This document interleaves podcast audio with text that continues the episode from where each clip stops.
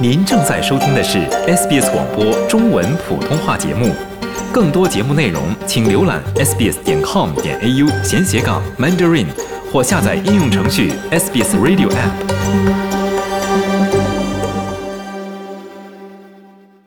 从法律角度看待社会现象，以专家意见指点生活迷津。请听现场说法。现场说法，您了解法律、咨询问题的空间。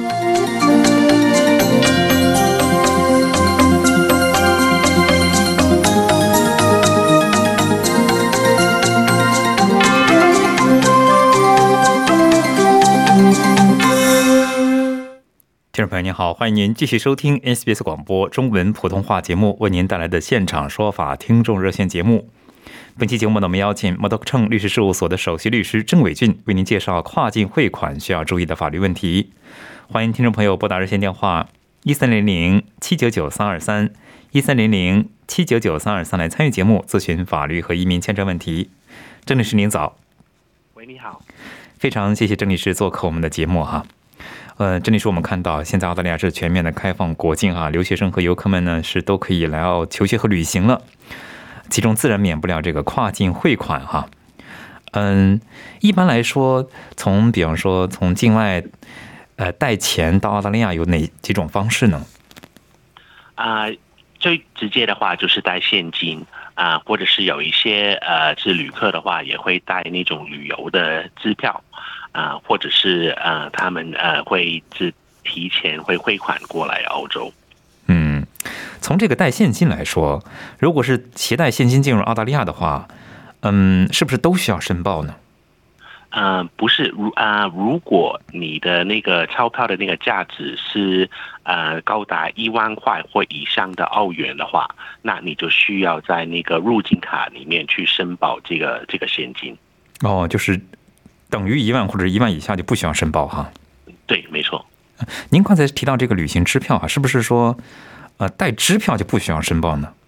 啊，还是需要，就是所有的那个钞票，这现金加上支票的那个价值对等是一万块或以上的话，哦需要申报。这个就是这个支票，即使没有取出钱来，也需要申报的，对吧？嗯，是的，是的。嗯，如果想把这个超过一万块钱或者是等值的其他货币，嗯，存到这个银行卡，嗯，比方说澳大利亚的银行卡的话，嗯，这个银行银行方。或者银行的这个工作人员有没有权过问？比方说，这个钱的来源和用途呢？啊，如果是用现金直接打进去这个账户里面的话，就存款的时候是存现金的话，那银行是有权利去问说：“哎，你那个钱是怎么得来的？”啊，他们会做一个记录啊，可是银行也不一定要问啊。这如果他们看到你过去的那个呃，这存款记录啊、汇款记录都是正常的话，那他们也是有权利呃，质问或者是不问的。那选择是在银行那一边。嗯，非常谢谢郑律师的介绍哈。此前有过不当有过这个不当汇款涉嫌洗钱的相关报道哈，就说。嗯，根据您的了解哈，什么样的汇款会涉嫌，比方说金融诈骗或者是洗钱呢？呃，如果是呃，这银行那边会做一个分析，就是说你这个存款的话，这个现金呃是不是合法的来源？啊，如果呃，就比如说按照他们的那个记录，呃，你是没有工作的啊，应该不会有一个这稳定的收入之类的话，可是突然之间会有一大笔钱呃现金存进去。或者是一直都会有现金存进去账户里面的话，那他们会对于这个来源的话，就是提起提呃，这引起那个疑心，所以他们都那个时候可能就会问说，哎，你那些现金是怎么得到的？为什么你会一直有那个现金的存款进去你的账户里面？他们在哪里回答的那个信息再做一个评估，就是有没有洗钱啊，或者是诈骗的这个风险。嗯，就说嗯，提到这个把钱带到澳大利亚哈，其中呢很多就涉及到这个私下换这个外币哈，就是以外币换澳大利亚元，私下换汇哈。就是如果是私下换汇的话，作为普通人可能会碰到哪些风险呢？呃，换汇的话有很多啊，很多类型的啊，有一些是有这个执照的，有一些是没有执照的。呃，所以如果是呃是通过那些非执照的那些汇款公司的话，那就会有一个风险，就是你存钱进去，可是你在澳洲这边或者是你指定那个账户收不到这个钱。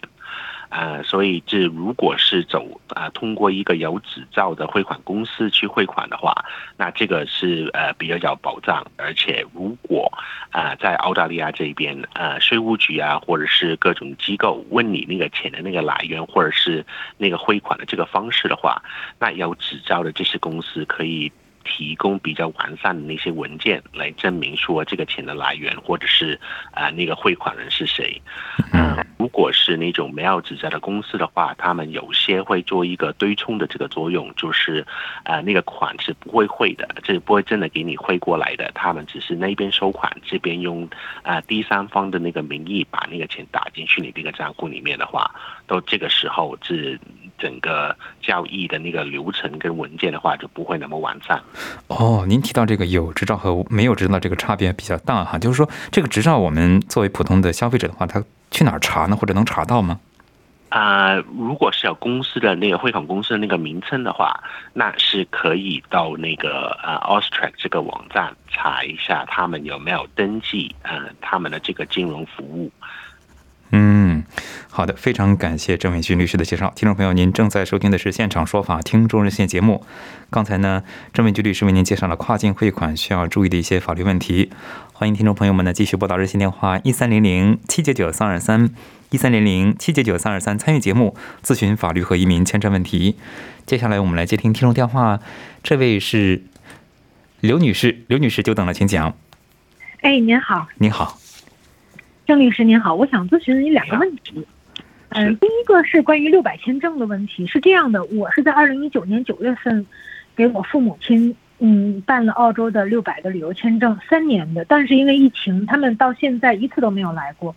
可是这个签证再有不到半年就过期了，我想问一下，这个我们应该怎么办？啊，你 这如果他们半年之内是没有打算打算入境的话，那你还是可以事先给他再签一次三年的那个旅游签证。那在申请的这个过程当中，呃，他们会有一个问题，就是说你这个签证是不是因为疫情的呃疫情的影响，所以不能去呃不不能去入境？那你如果你那个勾上是的话，那他们呃他们就呃会有一些优惠，比如说呃申请费啊，或者是审理时间的那些优惠。哦，呃，我听他们说有一个就是因为疫情原因可以免费的再续一个三年的旅游签，是这样的，有这样说法吗？啊，对，就是他们会看你原先是什么签证，然后他们会就会问，这如果你是因因受疫情影响使使不都这这使用不到这个签证的话，那就会有这些优惠。哦，好的，这个提前多久申请？它是九月份到期。呃，这个就是呃，看你们意向的那个入境时间是什么时候啊？如果是就是在近期的话，那可以现在申请啊。可是现在如果是呃父母啊子呃子女是澳洲公民或 PR 的话，那申请这个时间大概是一两周左右，因为你可以申请这个优先，这申请那个入境豁免就会优先处理。所以大概审理时间是两周左右，所以主要是看说是你父母亲打算什么时候入境，然后提前我建议大概一个月申请就可以了。哦，好的，就是说如果我不想让他们就是呃，比如说因为他们年龄超过六十岁了嘛，打了两针国药，如果说是呃不想在近期，可能在九月份就是嗯那个时候呢，那那那还有需要那个入境豁免吗？如果是在他们的那个签证之前啊到期之前入境的话，那是不需要再申请的。哦，就是说，比如说九月份到期，我八月份进来了，我就不需要再申请了，是吗？啊，对，这如果你那个签证是允许他们是每次入境啊不超过，比如说半年或者是一年的话，那只要你在签证到期之前入境的话就可以了。哦，就是说他们出境的时候，即便签证过期了，没有关系。啊，对，因为他们是多次往返嘛，所以他们的那个签证的话，就是从他入境的那个时间开始计算。哦，嗯，那就是说他他多次，那我下一次呢，我就要肯定要要要要去那个补办新的了，是这样吗？对对对，没错，对。嗯，好的。可是你需要注意，现在的话，如果是要豁免这这个隔离的话，是需要打三针，不是两针。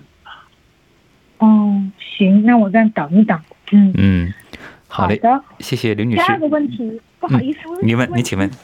呃，第二个问题是这样的，呃，有一个幺零幺的子女签证，我是在去年七月份给我女儿提交的，然后她现在是让我们补充材料。我想问一下郑律师，我当初是邮寄到了西澳的办公室，然后现在呢，我收到他给我的一封信，他要求我邮到那个邮邮政那就是西澳，或者下面还有一个就是嗯嗯下面那一行就是呃 by online form，就是我可以我想问一下，我现在补充材料是必须邮寄，还是说我也可以？在线提交，呃，他有给你一个电电子邮址嘛？就有给你一个 email 嘛？嗯，他给的不是 email，就是给了那个 email email 那个就是移民的那个账户的这么一个呃那么一个呃链接，他没有给我邮箱。嗯，OK，那有有一些表格是可以通过网上去递交的。可是，如果你当时是用邮寄的方式的话，那可能还是要维持邮寄的这个方式去递件。可是，主要是看他是要求你，呃，提供什么文件了。哦，因为我是补充材料嘛，就是可能不是表格了，就是一些呃有一些东西的翻译件跟公证件，因为当时可能没有翻，然后现在要翻译一下，公证一下。呃，是这种这种这种东西，那应该就是要邮寄的，因为你原先申请的时候不是通过网络去申请，所以你不会有一个电子档案呃或者是账户。对，OK，嗯，那这个时间呢？他要求我二十八天之内提交，那我邮寄的时候是在我保证二十八天让他收到，还是说我二十八天的时候寄出就可以了？呃，尽量要二十八天之内让他们收到。啊，那如果因为邮寄啊，或者是各种原因的话，你最好是二十八天之前先补充一封信，就是已经在处理了，估计是什么时候会收到。哦，对不起，我没听懂。补充一封信，估计是什么时候收到？这个我怎么就就是就是说，如果你二十八天之内，你觉得说你是呃不能把所有材他们要求的材料呃寄到他们那一边的话，那我会建议你提前写一封信给他们，就是说那些文件已经在呃处理了，呃，然后你预计什么时候会呃到他们那一边。哦，这封信也是同样的地址邮过去，让他先看到这封信，说明我的情况。对，就是说明你收到了，然后你再处理。对，OK，好的，太感谢了。好嘞，谢谢刘女士，祝您顺利。听众朋友您好，欢迎您继续收听 SBS 广播中文普通话节目为您带来的现场说法听众热线节目，我是刘俊杰。在刚才的节目中呢，摩托克律师事务所的首席律师郑伟俊为您介绍了跨境汇款需要注意的法律问题。欢迎听众朋友们。继续拨打热线电话一三零零七九九三二三参与节目咨询法律和移民签证问题。接下来我们继续接听听众电话，这位是张先生，张先生您久等了。好，谢谢。请讲。郑律师好，我想问一下，就是说我最近啊准备在澳洲买房，准备从中国呢带点钱进来，当然了超过一万块，我就想问的是，如果在落地的时候我申报了。他们是不是会检查或者核测？如果我没有申报的话，如果他们发现了，呃，会有什么处罚？比如说没收啊、罚款呐？就这这这这个问题，谢谢。嗯，好。所以如果你是带超过了一万块现金进来澳洲，可是是没有在那个入境卡申报的话。那呃，这当当场他们是可以给你一个罚款，那这个罚款的话，小的话就是三百多块，高高罚金的话就是要高达六千六百块。啊，而且如果你是非欧洲的公民或者是 PR 的话，他们有权利去拒绝你入境。那这个当然是比较呃是极端的这个处理方式，可是他们是有这个权利的。那如果他们只是罚款的话，那他们第二个呃会做的就是会问你这个钱的这个来源。啊，主要他们是要确定说这个钱是合法的，而且是有呃完税的，这有缴过税对的。呃，这你申报了之后啊，他们可能会把你这个事情转到他们的那个反洗钱的这个部门来去处理啊，然后看一下他们要不要去跟进你这笔款的那个来源。哦，如果我申报的话呢，就什么问题都没有了了。如果你申如果你申报的话啊，那他们是不会罚款，因为你是真实去填写你那个入境呃入境的那个入境卡啊。可是呃，这他们还是会问你这个钱的这个来源的啊，他们需要做一个记录啊。哦哦，我明白了，谢谢罗，谢谢郑律师。嗯，好嘞，谢谢张先生，祝您顺利。接下来我们接听下面一位听众电话，这位是 Andy，Andy 您久等了。哎，你好，您好，喂，喂，是您，您请讲，Andy。啊，是我啊，你好，你好，你好，律师你好，呃，我想有个问题想咨询一下，就是因为我呢，去年买的房子嘛，买了个房子一块地嘛，准备要盖嘛。盖呢，现在遇到什么情况？报到报到店里面去了，报到康总那去。现在康总呢又在给我拖，嗯，完了他要更改我的设计图纸嘛，那么他要拖。今天说今天给我发来，给他给我改的一些店的有关资料。明我们催他多少次，他老说今天给你发去，今天给你发去，给了三次多，三次多，这样呢？我是去年的十月份报的嘛，所以到现在他呢就给我发了两封邮件，告诉我，呃，今天就给你发去，今天就给你发去。像这种情况，我应该怎么怎么办？嗯，就是你呃要盖房子申请，在跟那个市政府那边申请的那个 DA，可是那个 DA 的那个申请流程他们一直在拖，是吧？对对对对。嗯，那呃，每一个政府他们都是有一个公布的一个呃审理 DA 的这个时间，那当然这个呃时间段的话，会因各种因素或者是复杂度而呃是延长或者是缩短。啊，如果你是觉得说他们审理你这个时间的话是过于长的话，那那个市政府那边会有一个呃投诉的这个部门，那你可以通过他们的网站、电话或邮件来反馈说你觉得这个 DA 审理那个时间过于长，而且因为没有那呃太复杂，所以你觉得他们现在那个审理时间是不合理的。啊，或者是你可以直接打电话过去啊，审理你这个 DA 的这个呃，这那个那个呃市政府的那个人员，然后就是跟他咨询一下，为什么你这个申请会拖了那么久，是不是需要补充材料啊之类的？所以就是主要就是这两个渠道来去呃，支申出你这个呃时间的事情了。啊，好，这个我知道了。嗯嗯，那么第二个就是说。因为我这个房子盖呢，啊，我是有我的设计师，有我的建筑商，有我的城市规划师，还有我们这个团队搞这个设计。那么这个设计呢，它呢是根据这个当地这个情况来设计的。当地因为这个地方呢，它呢就是整个这个容积建房容积呢是百分之五十嘛，高度要求的高度是八点五米。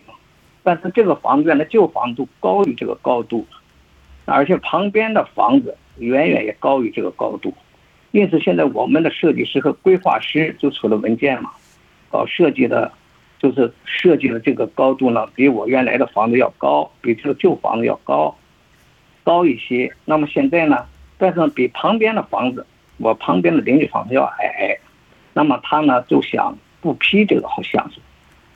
那要是这种情况，我应该怎么办呢？是不是去到找律师去告他们呢，还是怎么回事呢？要假设不批的话，OK，市政府不批准的，呃，不不批准的话。啊，他们会先到一个呃 planning 的一个呃 council，他们是一个独立的第三方，呃，专门来去审理那个市政府做的那个决定的。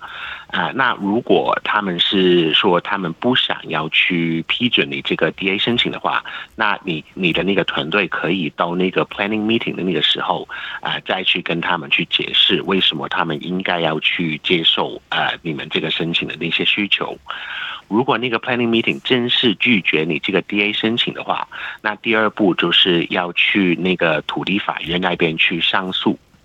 那呃，就到那个时候的话，就是法官那一边呃，这那个法院的话就会帮你去呃，这帮你去审理这个申请啊，是不是要修改，或者是市政府那一边的那个决定是没错误的。啊，那么就是说，我也请郑律师，因为他因为我这个地方呢。啊，住的呢，大部分都是些都是白人，现在我们就是个中国人。因为他当时呢，他解释我这个案子之后呢，他发了信给邻居嘛，有几个邻居呢，可能就写信了，就是，呃，不，呃，就对我这个高度，可能的还对这个梯子倒不要，但是讲那些话呢，代表有种族歧视的问题，而且也呢，去污蔑我的设计师，又是这个房子盖的像大鞋盒呀，又是他讲了一些，我认为是又有不符合当。当地的文化了什么？我想这是我的地呀，这是个住宅区啊。澳洲是多元文化呀，那他的这种完全是种，我觉得是种种族歧视问题。像这一种，我要我准备，就是说想要要告这个问题，种族歧视的问题。还有一个，他要不批的话，我肯定我要上诉到这个刚才你说的，我是一步步走到回来没听或者再去到土地法院了进行上诉。那么我就想呢，找这方面的律师，有经验的这方面的律师，你能不能帮我介绍一下你们的律师行有没有？啊，我们也有，或者是你可以去，呃，是那个律师协会那一边，你告诉他们说你想要去那个土地法院那一边去，呃，上诉一个市政府的那个决定，然后他们是可以，呃，是按照你的那个需求，比如说地点、语言，或者是律师的资历，他们可以提供三个建议的律师给你，所以就是你要会有一个律师名单，可以，啊，只去跟他。介绍那三个律师去咨询，嗯，那么你们那也有，那么呢，律师你能把那个啊，那么等您的电话，等回头我希望这个咱们 Andy 您好，就是说您可以对，您可以在呃我们的所有的嘉宾什么的，我们都有单位的介绍，您可以自行去搜呃查找一下，可以很容易的查到，好吧，供您参考，好吧？那查哪里呀？好嘞，嗯，就是您喂，我们的所有的现场说法节目都在网上都有，呃。往期的节目也对嘉宾有介绍。那个，能不能郑律师能把那个律师协会的电话提供给我？啊，律师协会是吧？啊，律师协会的电话啊是可以的，您稍等一下。啊，稍等一下，郑律师帮您查一下哈。嗯，那么温馨提醒听众朋友们哈，因为个人情况因人而异哈，法律问题也比较复杂。呃，SBS 普通话节目为您提供的现场说法节目呢，仅供一般性参考，并无意提供任何个案法律建议。具体法律纠纷呢，请您咨询专业的律师。郑律师，您有查好吗？对，有了啊。所以他们的那个电话是九九二六，九九九二六三零三三三零三三三。对，九九二六零三三三，你是可以打电话给他们，就是邀请他们去介绍三位律师给你。哦，另外一个，我再问最后一个问题，就是说，如果他给我拖了，造成我的损失，我是否可以叫他们赔偿？嗯，这都没有，因为市政府那一边他们是呃制作决定的时候，他们是可以说是有无限的那个时间的，所以如果是呃，除非是呃这那个时间是过了很久，而且是导致他们的那个疏忽，不然的话，他们是有权利去用足够的那个时间来去审批你这个申请的。嗯。那么他过了这个时间，他还没有批呢，这不是我的。那不是他们会解释啊，他看一下他们有没有合理的理由啊。可是一般来说是嗯，他们都是要无限的那个时间去处理的。嗯啊，有啊，好好，谢谢你，好嘞，谢谢安迪，祝您顺利。听众朋友您好，欢迎您继续收听 SBS 广播中文普通话节目为您带来的现场说法听众热线节目。欢迎您继续拨打热线电话一三零零七九九三二三参与节目咨询法律和移民签证问题。接下来我们继续接听听众电话，这位是江先生，江先生您好。哦，你好，是我吗？久等了，请讲。对，你好，杜好，呃，郑律师好。就一个简单的问题，关于是那个物业的 certificate title。就以前的通常情况是，如果你银行的某个节你还款还清了，以后你所有付款付清了，我会要一份就是正正规的，就是等于是书面证书吧，和这个 title 都是都是都拿到的。但最近这个呢，我有一个情况，就是我也把款项全付清了，某个地方没有了清清理了，该付的费用也付了，问他们要这个 certificate title，那么他事先答应的，后来呢，最后我去拿的时候呢，他没有给我。他说：“现在这个情况变了，因为是 COVID 的事情嘛，COVID 难听的可能是影响了。”他说：“这个 Land Service 哦，这个 Office 就 Legal Office 不出这个 title 了，就只要只让你去网上查，就你拿不到这拿不到这个 title 了。”所以我想问确认一下，这个是不是一个正式的情况？啊，这几年的话，就是那个土地处那一边，他们有把那个呃，是阴间的这个地契，把它改成说是可以接受这个电子版的一个呃一个一个 CT，所以就只能去查询。啊，可是如果你这个土地是没有抵押的话，没有贷款嗯之类的话，那他们还是可以出这个阴间的这个呃 CT 给你的。呃，所以呃，这如果是因为疫情的关系而呃有改到这个政策的话，那这个我不清楚。呃，可是我我我知道，就是说，如果你是要跟银行抵押的话，那你就不会拿到这么的一个硬件的一个 CT。那这个我知道，因为我已经抵押还清了。以前我给这个另外一个物和物业还清了，就这个提车就这个出来了。这次我也还清了，全部过来。他说是 register 那儿政策变了，不出这个了。因为疫情的关系，就往上查，所以我就不知道这个情况。那如果是这样子，应该是呃未未必是准确的，因为呃是你解呃你解了那个抵押之后，你是可以去选的，这那个银行是可以帮你去选，你要出那个电子版本的那个 CT，还是要把那个原件的那个 CT 发回去给那个呃土地的所有者。所以呃这个的话呃你可以跟土地处那边去确认一下。如果你已经解压了，那你还是可以申请得到一个硬件的一个 CT 的。嗯哼，呃，可等于说等于是没有还没有变化对吧？银行有点胡扯了对吧？呃，对，银行是选这解压的时候，他他会选要不要去把那个原件。我我我写的很清楚的，就是要把那个那个正规的 form 给我，以前我都这么选的。嗯，所以我去拿给我才告诉我，他说，所以他临时跟我说去了一下，网上打了一份就是什么 Land Register Service 那个。呃，confirm 的 CIPC 啊，confirm。对，这你你先去，嗯，这土地处那边，你先去搜一下，你这个房产的那个抵押是不是已经结清了？结清了之后，那你就跟那个土地处那边去，呃，你。去要求，就是说他可不可以把那个原始那个 CT 发给你？可是可能需要一位律师去协助你这一点，因为啊，他可能要通过那个电子交易平台那边去提出这个申请。好的，我知道了。好的，好嘞，谢谢江先生，祝您顺利。接下来接听下面一位听众，这位是秀秀，您好。哎，您好。久等，请讲。